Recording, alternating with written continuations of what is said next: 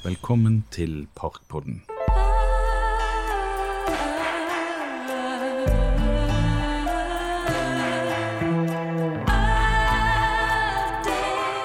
Nå går vi til det som kanskje har vært den mest sentrale plassen i hele Nygårdsparken. Altså der hvor, hvor fontenen og, og scenene har vært. Og Der skal vi si litt om hvordan parken har vært brukt opp igjennom etter at den ble anlagt.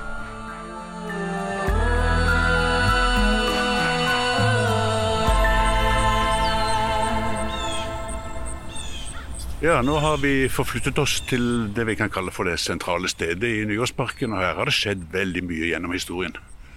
Eh, I slutten av 1870-årene da var det to bergenske leger som fant ut at nå skulle de lage en folkepark i Bergen.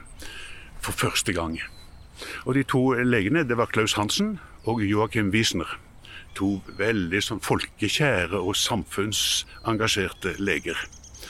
Så de tok rett og slett og kjøpte hele denne eiendommen her. Den var jo i privat eie på den tiden der. Og så begynte de å, å lage planer for en park. De fikk samlet inn penger, først og fremst fra privatfolk. Men, men en, en, en, en, innskyter var også såkalte Brennevinsamlaget. Altså forløperen for Vinmonopolet.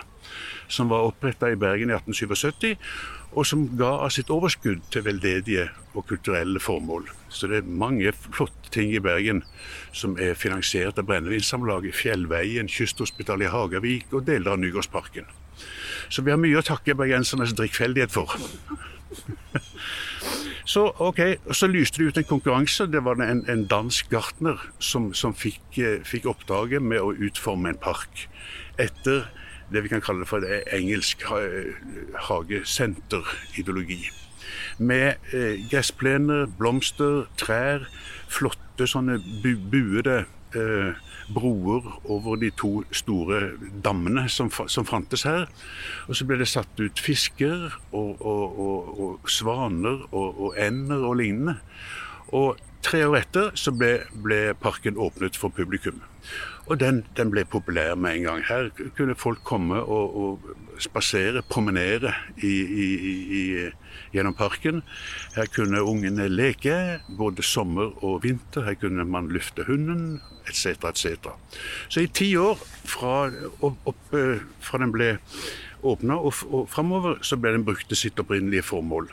Men i 1896 så skjedde det noe revolusjonerende med Nygårdsparken. For da skulle Bergen arrangere sin første store utstilling. Eh, dette var jo en, en tid for, for, de store utstillingene. Det begynte med, med Crystal Palace i, London i 1851. og Så kom eh, Paris med Eiffeltårnet i 1889. Og dette måtte selvfølgelig Bergen også være med på. Og Da satte de ned en komité som besto av 88 menn i slutten av, av, eh, av 80-åra. Og de, de brukte ti år på å komme fram til eh, enighet om hvor utstillingen skulle være, og hvordan den skulle finansieres. De bygde faktisk en egen bygning til den utstillingen der, nemlig permanenten. Altså den permanente utstillingsbygning. Men, men, de fant ut at den ble for liten. Så derfor tok de rett og slett og raserte hele Nygårdsparken. Og bygget opp gjennom en toårsperiode et helt utstillingsområde her, her, nede. Med en rekke forskjellige bygninger. Stor utstillingsbygning som lå nedover der hvor Vilvite eh, ligger nå. Og, og, mange så utrolige bygninger. Oslo kommune reiste en kopi av Akershus festning. Friele kom med, med orientalsk bygning.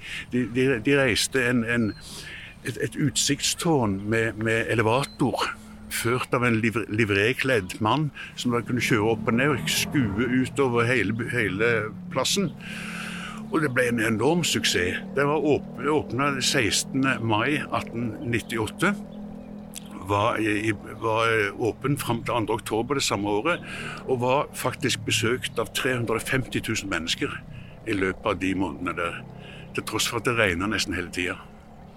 I den perioden som vi snakker om nå, så arrangerte Bergen tre sånne store utstillinger. Det fire hvis vi tar med den store fiskeriutstillingen i 1865. Men den største av de alle, det var den i Nygårdsparken i 1898. Og så I tillegg så kom da en stor eh, utstilling på Sverresborg i 1910. Og så den siste store landsutstillingen i 1928 rundt Lille Lungårdsvann. Eh, det, er mange som, som mener at uh, denne utstillingen i, i, 1898 faktisk kan ses som en slags sånn, sånn uh, for, forspill til Festspillene i Bergen. Fordi at i tillegg til de vanlige utstillingsbygningene her, så ble det bygd opp en egen musikkhall.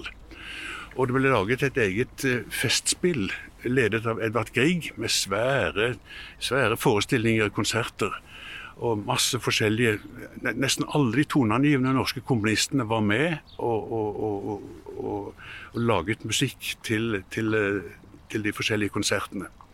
Det ble selvfølgelig litt bråk av det der, fordi at eh, Filharmonien i, i, Oslo, i Kristiania, de syntes jo at de burde få være med på en sånn stor sak som det der.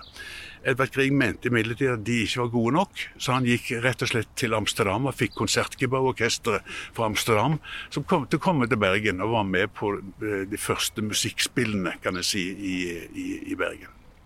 Men altså, det, denne, her, denne, her, utstillingen i 1898 den var da ferdig 2.10. Og så ble alt revet ned.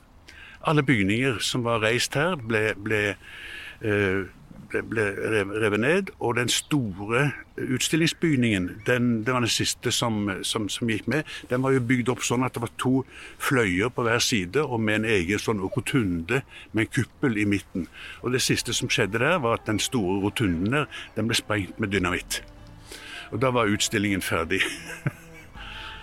Så, og, og, så tok det to år, og så var, eh, var parken klar til å igjen, igjen brukes til sitt opprinnelige formål. Og, sånn, og da ble den brukt til det i mange tiår.